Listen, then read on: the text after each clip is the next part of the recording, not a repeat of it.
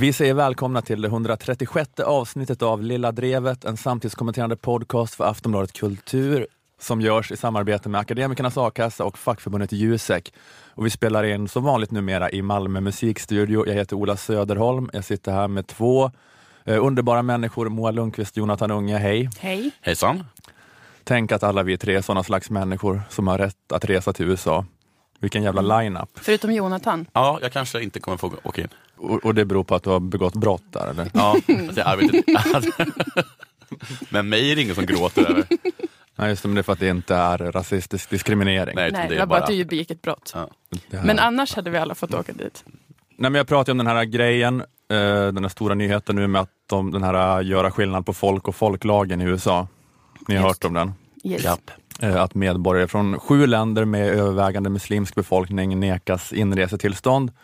Så det drabbar till exempel svensk-iranier, eftersom alla som är födda i Iran eller har föräldrar födda i Iran eller är adopterade från Iran har ett iranskt medborgarskap som de inte kan avsäga sig.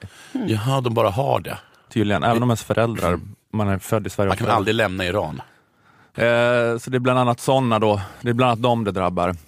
De, de har nästan varit de enda casen som får, som får personifiera den här nyheten i media. Jävligt etablerade iranier i västvärlden, så att sådana som vi ska kunna relatera till att, och förstå att det här, är, ju- det här är ju fan sjukt på riktigt. Mycket om så drabbade tech workers och apputvecklare och Ja. sociala plattformar och strateger. Svensk-iranska startups-profilen Arash kan inte åka på den här mässan i Las Vegas. Det är ju årets viktigaste event i video streaming on demand-lösningar i industrin. Alla våra investeringar i min startup, allt vi har gjort i marknadsföring för att få exposure är borta. Helt bortkastat. Mycket sådana case, att sådana som vi ska kunna relatera känslomässigt till det här. Först kom de för apputvecklarna, men jag sa inget. För jag var ju inte apputvecklare. Och det var ju sant. Så allt var lugnt. Nej, men nej, förlåt. De är ju drabbade på riktigt. Ja. Och det är ju sjukt på riktigt. Ja. Men jag funderade på det, är det så nu när sådana som vi ska åka på en hipster douchebag weekend-resa i New York, att, Mm. att USA har blivit ett sånt här turistmål där man måste hålla på och rationalisera varför man reser. Åh, vad jobbigt. Med att det är ändå bättre att man åker dit och är där och inte isolerar dem. Nej, och talar med dem. Ja. Och försöker påverka dem. Så här har Carl Bildts inställning till apartheid i Sydafrika. Vi tror att handel och relationer och utbyte är ett sätt att främja mänskliga rättigheter och positiv utveckling. Jag var inte bara på Håkan Hellström-konsert. Jag gick också runt och talade. Man skulle läsa på om landet innan och den politiska kontexten och vara medveten och inte spendera sina pengar som bara hamnar i maktelitens fickor. Alla pengar gick till Håkan Hellström, det såg jag till. Rakt ner i fickan på Håkan. Att vi åker dit och dricker öl på ett mikrobryggeri i Brooklyn, det är ju något som välkomnas av lokalbefolkningen och oppositionen. Människorna i USA behöver kontakter och impulser från den demokratiska delen av världen. Precis alla svenska kändisar som åker dit måste planera in ett möte med eh, Occupy Wall Street. Stå och skaka hand. Ja, det måste finnas en bild på det. Det är som att eh, man åker förbi Kina och åker förbi Dalai Lama, Ja. eventuellt. Eller så gör man inte det och då får man skit eh, hemma. Då blir det så här debatt i Studio 1 om att man var feg och bara försvarade handelsintressen. Inte vågade stå upp. Eh, ja, ja, ja. Ni vet allt det här. Världen skälver. Läskig domedagsstämning. Varje dag, varje timme verkar det hända något som är så fruktansvärt att Björn Wiman måste sätta sig ner med sin dotter och förklara för henne att han skäms för mänskligheten. och sen skriva en krönika om det i DN Kultur. Det är hårda tider. Det där med att, liksom, att bära sin egen ångest, Björn Wiman. Jag undrar hur gammal Björn Wimans dotter är. Nu, Det- det hon har inte. åldrats hundratals år. Ja, det är på ett sätt konstigt om hon är ett litet barn, att han sätter sig med en sexåring, stänger av barnkanalen, bara Felicia, nu har Trump strypt bidragen till abortkliniker i utvecklingsländer. Och jag vill bara att du ska veta Felicia, att jag som din far, din främste manliga förebild, jag skäms. Jag skäms Felicia. Så, nu kan du fortsätta titta på Marsha och björnen. Eller nej förresten, det är förmodligen Putin-propaganda. Smal referens. Eller så är hans dotter 25, Ja. hon kanske är i Lund och han håller på och riggar det hela tiden. Felicia. Ja pappa, jag vet, det är jobbet med Trump. Felicia, jag vill egentligen inte ta det här över telefon. Jag kommer ner. Så att, nej, det Behövs inte pappa, jag kommer ner! Jag står redan utanför din dörr. Ja, ja, men ehm, det var inte det jag skulle prata om. Eh, Jag skulle prata om eh, vad gör man när det är så här eh, hemskt då, som Mm. många tycker att det är. Förutom Johan Norberg. Mm. Och, Tycker Norberg inte att det är hemskt?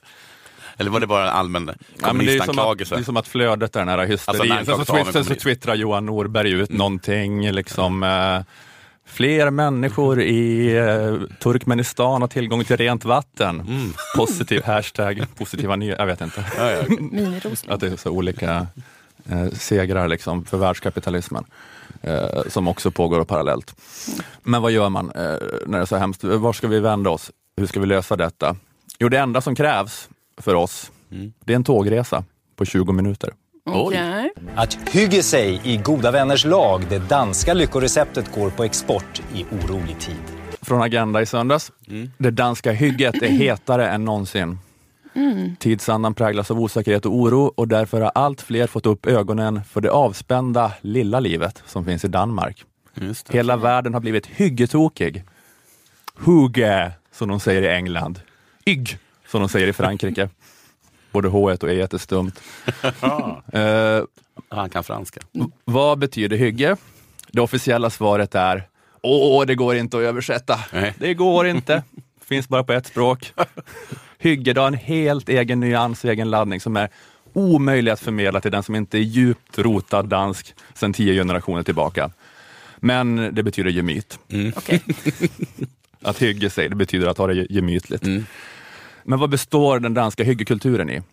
Eh, Agendas reporter har gett sig ut på stan i Köpenhamn. Jeg skal have en øh, fadøl, og det skal være en øh, classic, og Harbo Classic, og en Carlsberg. Det är tisdag eftermiddag på Bastard Café i centrala Köpenhamn. En av många platser dit man går för att hygge sig. Hygge er at mødes med folk, man godt kan lide, og lave noget sammen, eller bare sidde og snakke, drikke noget. Ja, hygge, det är att, eh, att det är tisdag och man köper öl och eh, med, med en kompis kanske om man eh, dricker något, har jag sagt det redan? det är den här danska tjejen Anna, eh, hon heter så, hon som pratade. Gärna dansk blues i bakgrunden. Just Ja. det.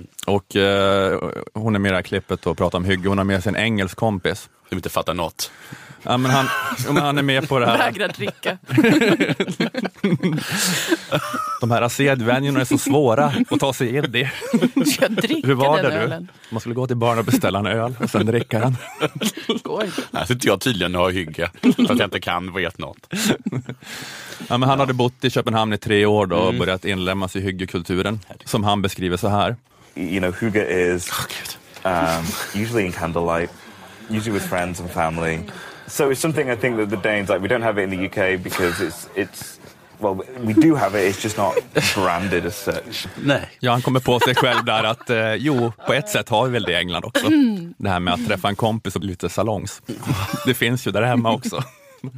Fan vad jag hatar danskar. Om man ser det så, så har vi det. Men det danska hygget, det är ändå speciellt. Det är ändå speciellt med hygget. Vad är det för någonting? Lite förenklat kan man säga att hygge består av fett, socker, alkohol och en massa levande ljus. Ja, ja, det är levande ljus också, men då så. Nu uppnådde det verkligen en nivå av verkshöjd som gör att det känns som en egen unik grej som danskarna kan ta patent på.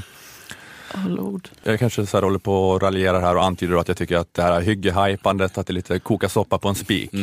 Men hur går det då med den här eh, hygge-kampanjen? Danska böcker om hygge har blivit en exportsuccé. I Storbritannien blev hygge till och med utsett till årets nyord 2016. Hela världen sväljer det. Hur långa kan de böckerna vara? Tänd 50 ljus, ta en öl. Slut. Jag läste lite ur, ur en engelsk hyggebok. Okej. Och då var det också mycket där med att det egentligen så menade han att det, man måste ha en levande brasa. Men att det också går bra med värmeljus. Och sen var Så då har boken de- eh, slut. Ja, Så att alla länder gör sitt eget lilla, ny- eget lilla hygge. Eftersom de alla inte har tillgång till öppen brasor. Vilket tydligen alla danskar har. ja men, eh, men, men danskarna har på något vis lyckats eh, trademarka att äta socker och fett och supa. Ja. Det är deras exportsuccé till och med. Om man inte orkar bygga en Volvo så kan man ha det som exportsuccé istället. Sitta och bli tjock. Var kommer det internationella intresset eh, för hyggekulturen ifrån? Man tror att det kan ha att göra med att de som verkar oroa sig minst över att världen är kaotisk och orolig är danskarna. I undersökningar brukar danskarna komma etta på listan över världens lyckligaste folk. Mm. Men det finns kritik mot hyggekulturen. Världens lyckligaste folk ligger också i topp vad det gäller konsumtion av antidepressiva mediciner at vi er på nervemedicin, og vi drikker meget alkohol og spiser fedt og sukker øhm, for at overleve. Øhm, mens vi gør det, har vi det hyggeligt. Vi är på nervmediciner, vi dricker mycket alkohol och äter mycket fett och socker för att överleva. Medan vi gör det har vi det hyggeligt. Eh, Så det, de, de är, men de är världens lyckligaste folk om man med lyckligaste menar eh, världens Dopade. mest medicinerade och neddrogade folk. Ja, de har dopat sig till första platsen, det, det säger de själva. Så ni har dopat till er dopet den här första platsen. ja. det kan man godt sige. Ja. Det er en, en, måske en, en måde at overleve, det er bare ikke en måde at løse noget på. Va? Det är kanske är ett sätt att överleva.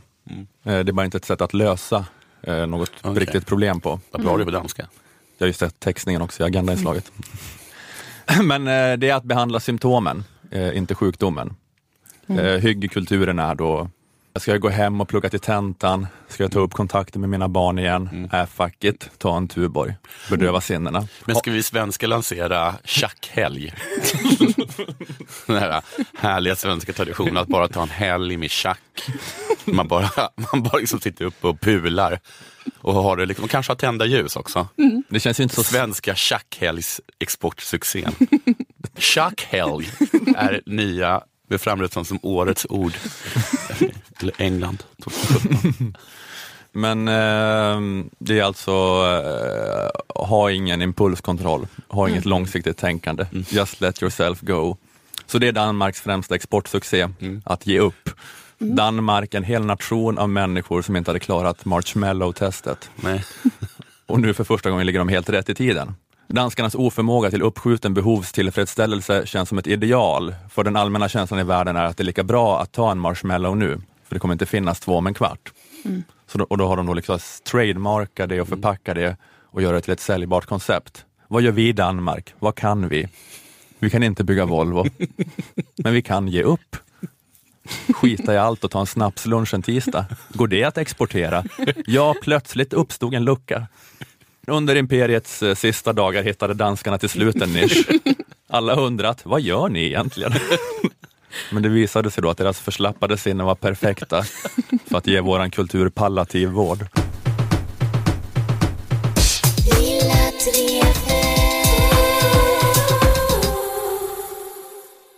Lyssna på det här som jag hittade på Wikipedia. Okay. Sankt David av Munktorp var en engelsk munk som under början av 1000-talet tillsammans med Sankt Eskil och Sankt Botvind av, av Sankt Figrid i Småland sändes ut för att kristna Mälarlandskapen. David byggde en kyrka i Munktorp i Västmanland och nämns även som den första biskopen av Västerås och kallas Västmanlands apostel. Han sökte martyrdöden men dog fridfullt omkring 1082. Det var väl bra dråpligt ändå. Han sö- hur sökte han martyrdöden? Han gick, Alltså, gick omkring och tuppade sig antar jag. Och sen dog han helt frid. Att söka martyrdöden men istället dö fridfullt. Att han gick fram till eh, asatroende och Ja. sa, jag är kristen, vad Ja. säger du om det då? Så sa de, ja, jag vet inte. Men vilken bitter och stilla död det måste ha varit. Ja. Han måste ha somnat in helt lugnt med näven knuten i fickan. Men frågar man sig då, vad händer i Västmanland idag då? Mm, absolut. Det här var ju ganska länge sedan. tanke. Ja, det var Nu, nu gör vi ett tidshopp. En hel del faktiskt. Första semifinalen i Vi i femman går av stapeln idag. Det är Irstaskolan 5A som möter no- Norra Vallebyskolan eh, eller Norra Valbyskolan 5A, båda klasserna från Västerås. Efter två raka bortaförluster i herrarnas superetta i basket så vann Köping Stars hemmapremiären mot Högsbo med 93-86, dessutom inför en rekordstor publik. Alice är det vanligaste tilltalsnamnet på flickor födda 2016 i Västmanland Det låter lite efter va? och i Sverige. Ja, det är, ja, det är i Sverige. okej. Och i Sverige. Okej, för jag- både i, ja, du förstår att det låter lite efter, men det är både i Västmanland och i Sverige. Jag så tror, är Alice det vanligaste namnet på flickor födda 2016. det kanske har varit alldeles länge. För Det har det säkert ja. varit. mm. På det okej. sättet är Västmanland precis som Sverige i övrigt. Mm, Eller hur? Precis. Ja, ja. Adam och Oliver får dela på första platsen när det gäller nyfödda pojkar i länet. Men i riket är det Oscar Där skiljer de sig som lite. toppar Då. listan. Så Västmanland är, inte bara Sverige rakt av. Liksom. Nej. Västmanland är också Västmanland med sin egna helt unika sätt och seder. Lite egen sådär. Det vet ni, det vet jag, det visste Sankt David av Munktorp. Det är inte det landskapet som har den starkaste identiteten tycker jag. Nej, nej det, det är inte det starkaste, men den har, som vi just såg bevis på, Några små tweaks. Ja, precis. Mino Akhtarzand, Västmanlands landshövding, förlåt om jag sa fel, är kritisk mot USAs president Donald Trump efter att ha stoppat flyktingmottagandet i landet 120 dagar. Hon är född i Iran och har dubbelt medborgarskap och därför kan hon inte komma in. Västmanland är en del av världen. Ja. Men vilket jag tagit upp tidigare också unik och sig själv nog. Och om ni inte tror mig så behöver ni bara fråga Sankt David av Munktorp. Tyvärr är han död. Men även solen har fläckar. En kiosk på Bäckby i Västerås utsattes för ett inbrottsförsök. Polisen fick larmet 02.41 i natt. Natt mot tisdag. Inget stals, men en dörr förstördes. En annan fläck är radikalisering och våldsbejakande extremism. Vi är tillbaka till delen om att Västmanland är en del av världen, som ni säkert märker. Den våldsbejakande högerextremismen har ökat i Arboga, enligt Jonathan Lehmann på tidningen Expo. Det är nordiska motståndsrörelsen som har ökat sina aktiviteter. Majoriteten av det handlar om propagandakrig. Han nämner studiecirklar, nazistisk ideologi, vapenträning, kampsport och sociala aktiviteter. Det låter hårt. Det är ett flygblad. Det har inte varit så hög aktivitetsnivå i Västmanland, säger han, men Arboga sticker ut. Polisen i Västmanland ser eh, också tendenser till radikalisering bland unga muslimer. Vi försöker ha en dialog med moskéer och företrädare för islamiska grupper och församlingar. Ett gott samarbete med Säpo och frivilliga organisationer i samhället har givit oss bilden av att ingen har rest ner, säger Daniel Lidström, inspektör vid polisen i Västmanland. Och allt det här har skapat eh, debatt då, alltså det här om extremism och radikalisering och om vad som görs för att motverka radikalisering och våldsbejakande extremism i Västermanland. Och då har det framkommit att hälften av kommunerna i Västmanland inte tagit fram någon skriftlig handlingsplan. Okej. Jag nämner inga namn, men jag tror att vi alla tänker på Norberg och Hallstahammar. Men, ställer jag mig frågan då, vem i till exempel Surahammars kommun skulle ha ansvaret för att ta fram en skriftlig handlingsplan mot radikalisering och våldsbejakande extremism? Är det Cirka? Cirka. Cirka på fritidsnämnden? Eller är det Stefans område? Stefans pappa var ju med i hemvärnet. Det är inte Ann-Katrin i alla fall. Hon har precis kommit tillbaka från sin utbrändhet efter att ha varit ansvarig för kommunens handlingsplan för millenniumbuggen. Den tog knäcken på henne. Och Christer, ja, han jobbar ju fortfarande med nollvisionen för fallskador inom vården. Det blir väl Kerstin som vanligt kan jag tänka. Trots att hon har fullt upp med planering av Stora Sura-dagen, nattvandrarna, Operation Inget Klotter. Och på det ska hon ju fixa att kommunen är fri från fossilbränslen 2022. Det som man brukar säga, vill man få något gjort så ska man be den som har för mycket att göra. Ja, Det är, precis. då, det är då det blir gjort. Men tänk vad bra det kommer bli när den finns där. Den skriftliga handlingsplanen. För då är den bara att ta fram. För om någon då radikaliseras så behöver bara cirka Christer, vem som helst, läsa då vad Kerstin skrivit. Och sen handla därefter. Just det. Det är det som är så smart med att ha en handlingsplan. Vilken idiot som helst kan, kan jag göra det då. Det är bara att följa vad hon har sagt. Precis. Det borde underlätta ifall eh, olyckan är framme, antar jag. Så ser det ut i Västmanland. Så är det där. Det är så himla bra att de har den där uh, snart handlingsplanen. För om inte Sankt David av Munktorp får dö martyrdöden ska ingen annan i Västmanland heller få göra det. Så ser det ut. Vilket snyggt kåseri. Ett kåseri om Västmanland. Jag är berörd. Jag säger Västermanland, jag säger inte Västmanland. Nej, jag, jag Västman- orkade inte säga någonting faktiskt. Nej. Nej, just det. Den. Men, det var verkligen helt sömlöst hur du knöt ihop det där på slutet. Tack. Att det var, Jag visste inte hur du skulle få ihop det med det här med inledningen och sen bara boom, it happened. Först undrade ni varför jag tog upp det där. Ja, ja, precis. Men nu bara allt gled in i varandra så snyggt och jag tyckte inte alls att det kändes eh, liksom otympligt på något sätt. Eller så. nej, Eh, det var... Mm, ett hantverk. Tack.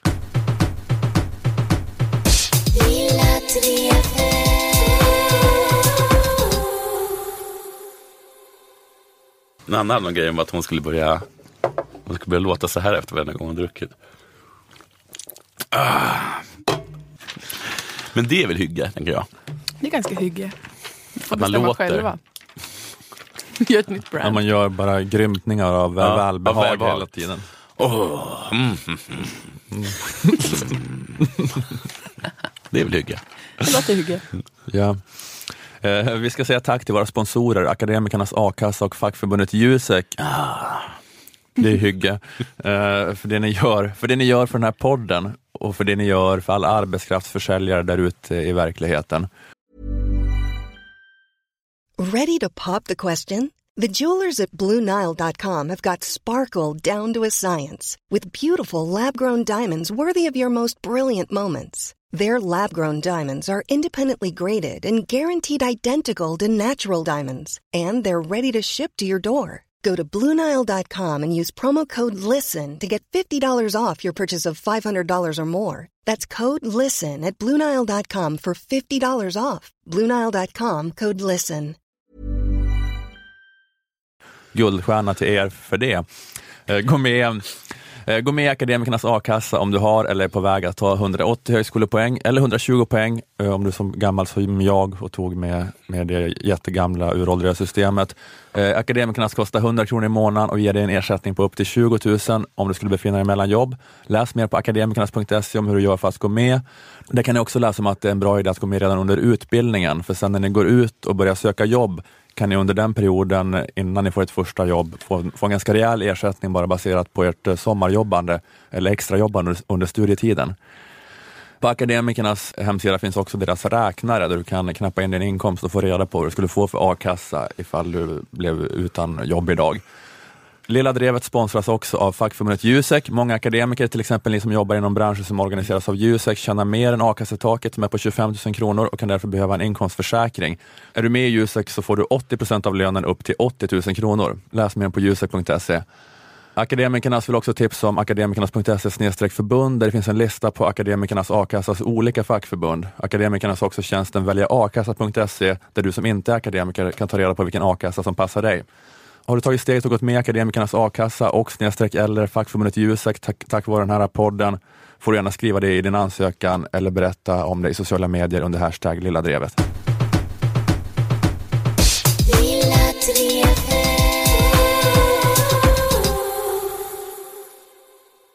Nu i februari så kommer den franska dagstidningen Le Monde lansera en digital tjänst som heter Décodin Decodex. Dec, Decodex. Ge det till uh, Ola, du som är så bra på franska. grodätaren där borta. Jag tror det var ungefär rätt som du sa. Det var nog rätt det jag sa. Det, de lanserar en databas där man ska kunna faktakolla sina källor, sina sajter som man är inne och läser på. Man skriver in kanske så här där, man skriver in URLen. Man kanske skriver in så. Jag läste att man får cancer av tomater. På eh, Gladiator Roines blogg. Och då rasslar det till i Decodin. Så står det så här, mm, det där är inte en trovärdig källa. Men är det allt på franska? Ja, eller så går det kanske på engelska också. Jag vet faktiskt inte än. Så får man veta då på en skala 1 till 5 hur trovärdig den källan är. Mm. får man gå och rannsaka sig själv om det visar sig vara bara ett av fem. Mm. Kasta kallvatten i ansiktet och bara, vad fan. Litade på dig. Skärp dig. Jag litade på dig. Roine. Okej. Decodex innehåller nu Ja. typ 600 olika nyhetssajter som under ett år identifierats som opolitliga av Le Mondes faktagranskande team Les Découleurs, kanske Ja. de heter. De hoppas att den här koden som ligger bakom databasen ska kunna användas och utvecklas så att man på ett bra sätt kan komma åt då falska nyheter och konspirationer. Le Monde är ju inte de första som vill testa göra något sånt här. Få bort fake news Nej. från internet. Det är ju någonting som pratas om både här och där. Och Facebook håller ju på att försöka hitta något sätt. De har ju funderat på att ha en varningsfunktion. Så om man delar någonting som är fake så ska det komma upp en varning. Det är, här, det här är falskt. Du är en falsk kille. Eh, och så hamnar det längre ner i flödet och så vidare. Det är massa sådana här eh, olika nya strategier för att få bort det här. Le Monde kom på den här idén efter terrorattentaten i Paris. Där det direkt efteråt började cirkulera konspirationsteorier och eh, annat. Som de inte hann granska och sådär. Så då tänkte de, att det är något smidigt för att få bort det. Och då är det då den här eh, nya databasen. Jag vill flagga redan nu för att det här är ett typiskt manssätt att komma åt ett problem. Jag vet Att att fixa det. Du, vill bara, du vill bara att folk ska ta dig i handen och säga jag förstår hur det känns. Mm. Jag vill inte... Ja, Jonathan, det är, min, det är min teori. Jag vet att Le Monde är en av världens viktigaste och mest respekterade tidning. Vad var det för mening? Vad var det för mening? Du borde kunna skriva om den i huvudet. Ja, visst måste- du, visst- du, visst måste du ska bara ändra, ändra form på ordet tidning. Jag vet att Le Monde är en av världens viktigaste och mest respekterade tidningar. Enligt Wikipedia, enligt min egen blogg, Moa Lundqvist granskar, är den dock lite pretto inom citationstecken.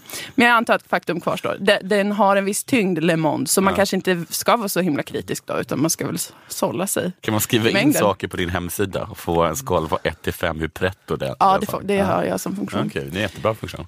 Men ändå så vill jag alltså sticka ut min lilla haka och säga vilket otroligt manssätt att hantera det här problemet. Att liksom direkt hänvisa till siffror och procentenheter när någon bär på en stark konspiration till exempel. De flesta konspirationsteorier har ju en sak gemensamt. Ligger och vilar på en stabil grund av ilska och misstro som inte har blivit riktigt bearbetad eller mottagen någonstans. Det här vet jag eftersom att jag själv tror på konspirationsteorin att kortison inte funkar mot eksem utan det är kokosolja du ska använda men det säger inte vården. Ah, Ah, just det. det Just borde jag ha fått veta. Mm. Men jag kanske inte behövt omskära mig. Liv och namn. ja, du... Åh, du måste känna dig dum när du står här utanför. Du. Allt som behövdes var lite... Var lite Om du var hade läst lite... målundqvistgranskar.tumblr.com så kanske du hade vetat att kokosolja är det som man ska använda. Nanna Mer om, mer om detta i nya avsnittet av februaripodden. Ifall det är ute när det här är ute. Nanna och Liv trodde inte att Osama hade blivit mördad eller skjuten. Är det sant? Ja. Okej. Är det sant? Ja.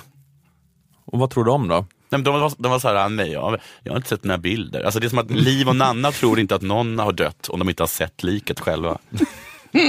De tror inte han sagt Sankt David av Munktorp. Fick in den referensen igen. Ja, du, du jobbar på med, med, med Sankt David. Bara Men- callback på callback. Det är snyggt. Men jag har i alla fall den konspirationsteorin. Kokosolja är bättre men vården säger ingenting. Och jag håller ihop den här teorin med mitt liv och jag vägrar eh, ta någon kritik. Om jag delar en artikel om hur Stefan Löfven antagligen jobbar för ett kortisonföretag utan att jag riktigt har någon liksom verklig källa på det så är det ju inte för att jag inte kunde dubbelkolla artikeln, eller hur? Nej. Utan för att jag känner som att han nog jobbar för ett kortisonföretag. Varför skulle han annars förneka hur dåligt kortison är mot eksem? Då kan hur många franska killar i polokrage som helst komma och säga du har delat en lögn. Jag kommer inte bry mig. Jag kommer säga gå hem och ät en baguette, kommer jag säga, eller något annat syrligt till de fransmännen. Kanske kommer du tro ännu, det är inget som kommer få dig att tro mer än om Nej. en fransk kille. Om en fransk kille säger det där är bara en procent trovärdigt, då kommer jag bara ursäkta mig, ursäkta mig, unge pretto hen. Går hem, delar en till artikel om hur Stefan Löfven antagligen jobbar på ett läkemedelsbolag, kanske. Men är kontentan då att man alltid bara ska låta folk vara i sina konspirationsteorier? Nej, Att man min- aldrig ska försöka Nej, nej, nej. nej, nej, motbevisa nej. dem? nej, nej, nej. Det jag säger är att det här sättet att hänvisa till siffror, procent, en av fem och så vidare. Typiskt manssätt att hantera någonting där människor känner starkt. Man är så här, mm, Sån är vi. Ja, såna är ju ni. Det, det, man, så är det ju i alla heteroförhållanden. Det känner ju alla till. Tjejen kommer hem och säger så här. Jag känner som att du inte ser mig. Och då är killen så här. Vad har du för källa på det? För min synundersökning visade att jag har perfekt syn. För fan. Men, Skärp dig. Så I- är det. jävla så är det. Så är det i alla heteroförhållanden. Det är så mycket igenkänning som något kan bli. Män är verkligen från Mars. Men det, vad Ja, heter det är det de. men det förklaras ganska bra i filmen White Man Can't Jump. Då kommer tjejen och berättar, förklarar, hon säger så här, om jag säger att jag är törstig, då ska inte du ge mig ett glas vatten. Då ska du säga, jag har också varit törstig. Jätte, det, var, det var inte så, så bra väl? Eller vadå, då vill man väl bara ha vatten?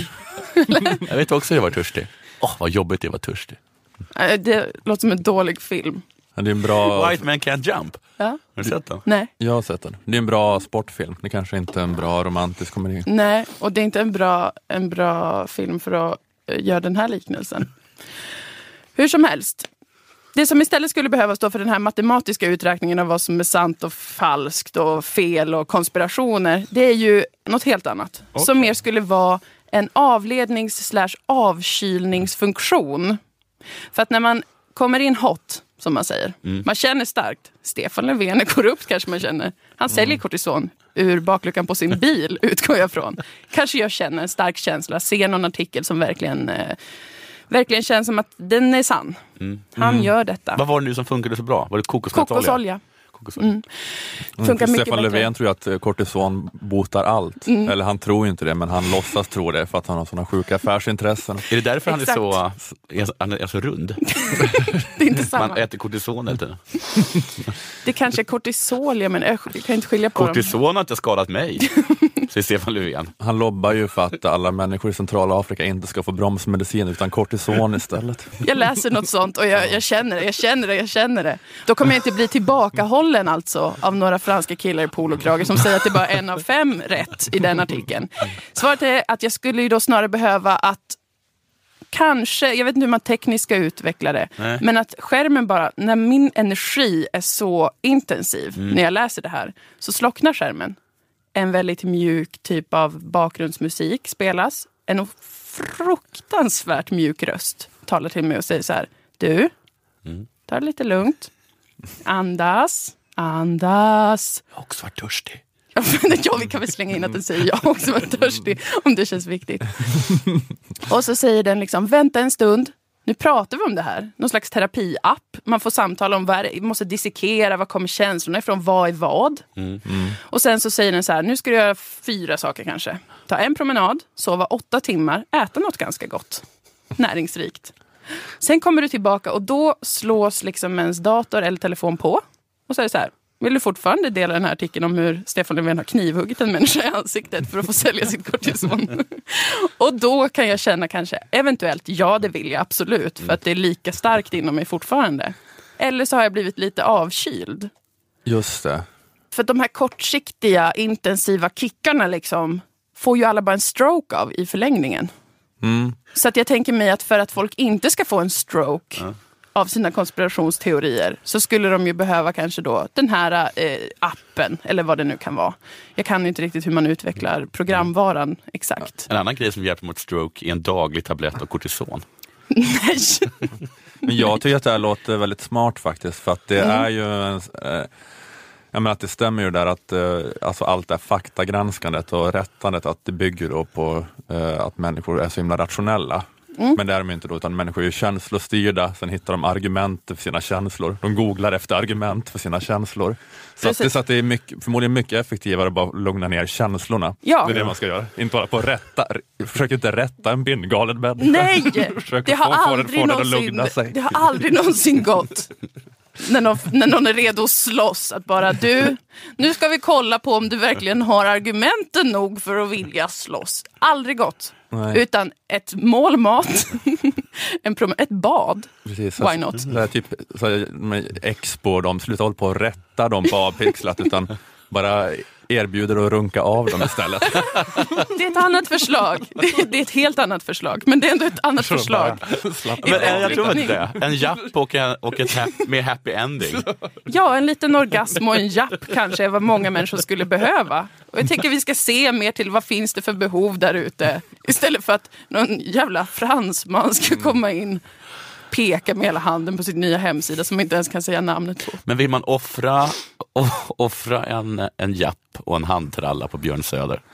Ja, kanske att man vill det. Kanske. Men det behöver inte bara vara Björn Söder. Nej, det kan vara- Alla som har otroligt starka känslor, det är ingenting biter. Förutom att få bara fortsätta liksom, uh, traggla med dem. Alla måste bara lugna sig. Ja. Jag tror Lugna ändå ner det. Framförallt för att, vet ni att ilska, förlängning kan ju ge hjärtsjukdomar. Mm. kan man ju ha ett hälsoargument, eller hur? Om man inte, om man inte vill ha ett politiskt argument så kan man säga att det är en hälsofrämjande eh, sak.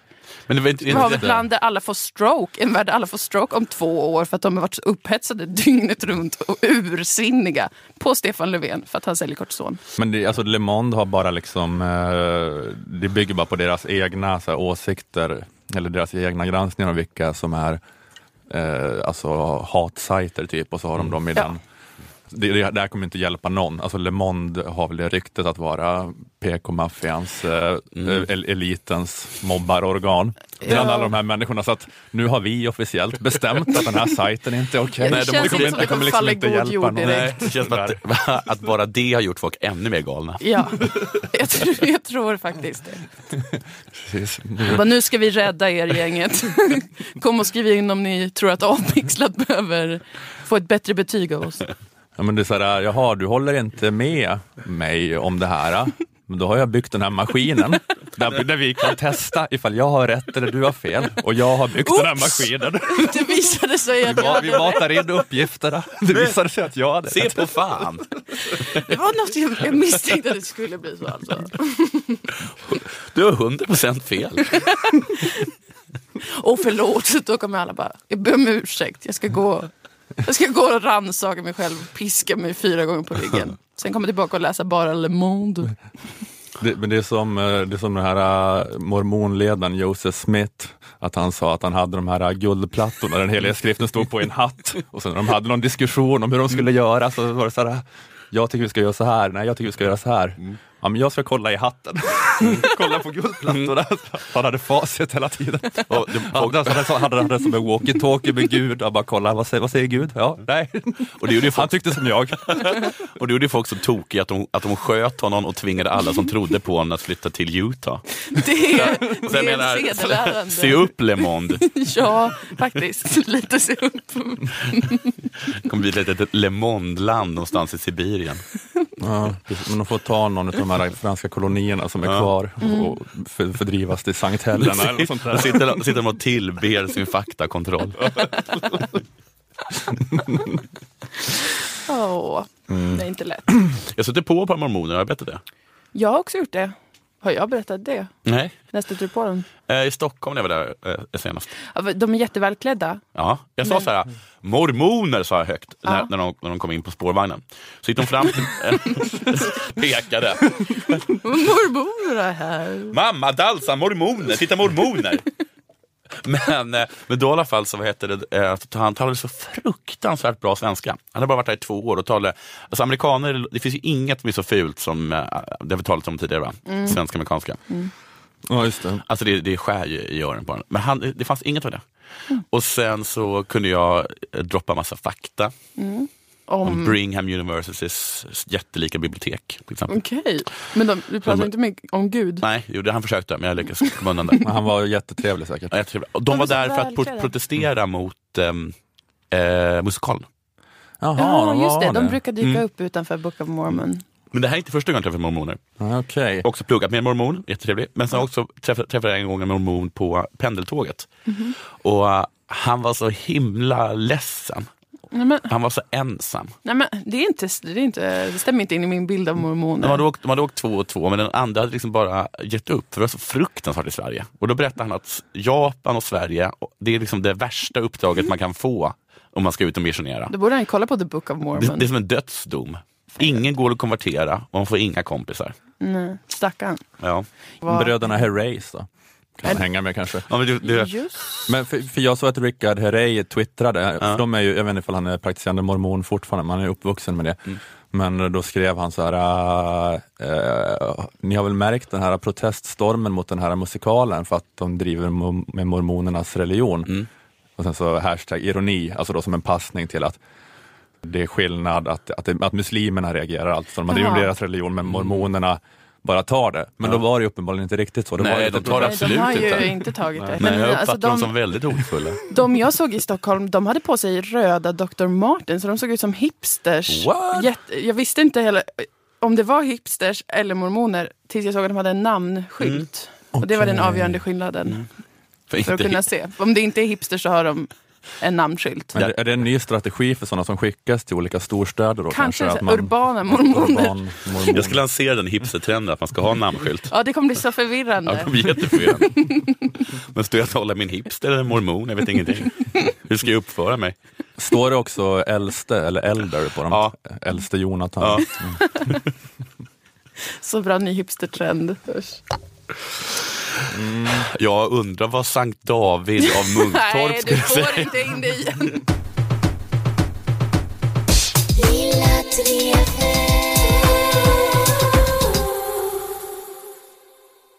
Gå och se Sämst. Gå in på sämst.se om ni känner för det. Ni behöver inte, men det vore trevligt. Ja. Dålig reklam. Ja. För ödmjuk reklam. Det kommer, det kommer bli superkul. Det lovar jag. Okej, Mm. vill du säga något mer? Nej, Nej.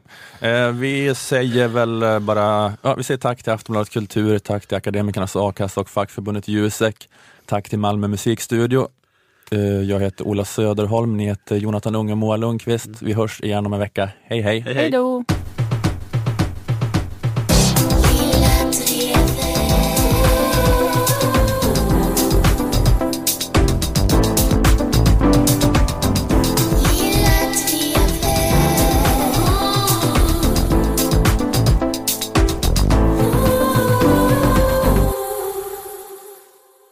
Jag, jag tycker aldrig att någon har någon kontakt med danskar. Nej, Nej. jag träffar aldrig danskar. Jag känner ingen i Malmö som känner en dansk. Nej, Inte jag Det heller. är så helt vattentäta skott.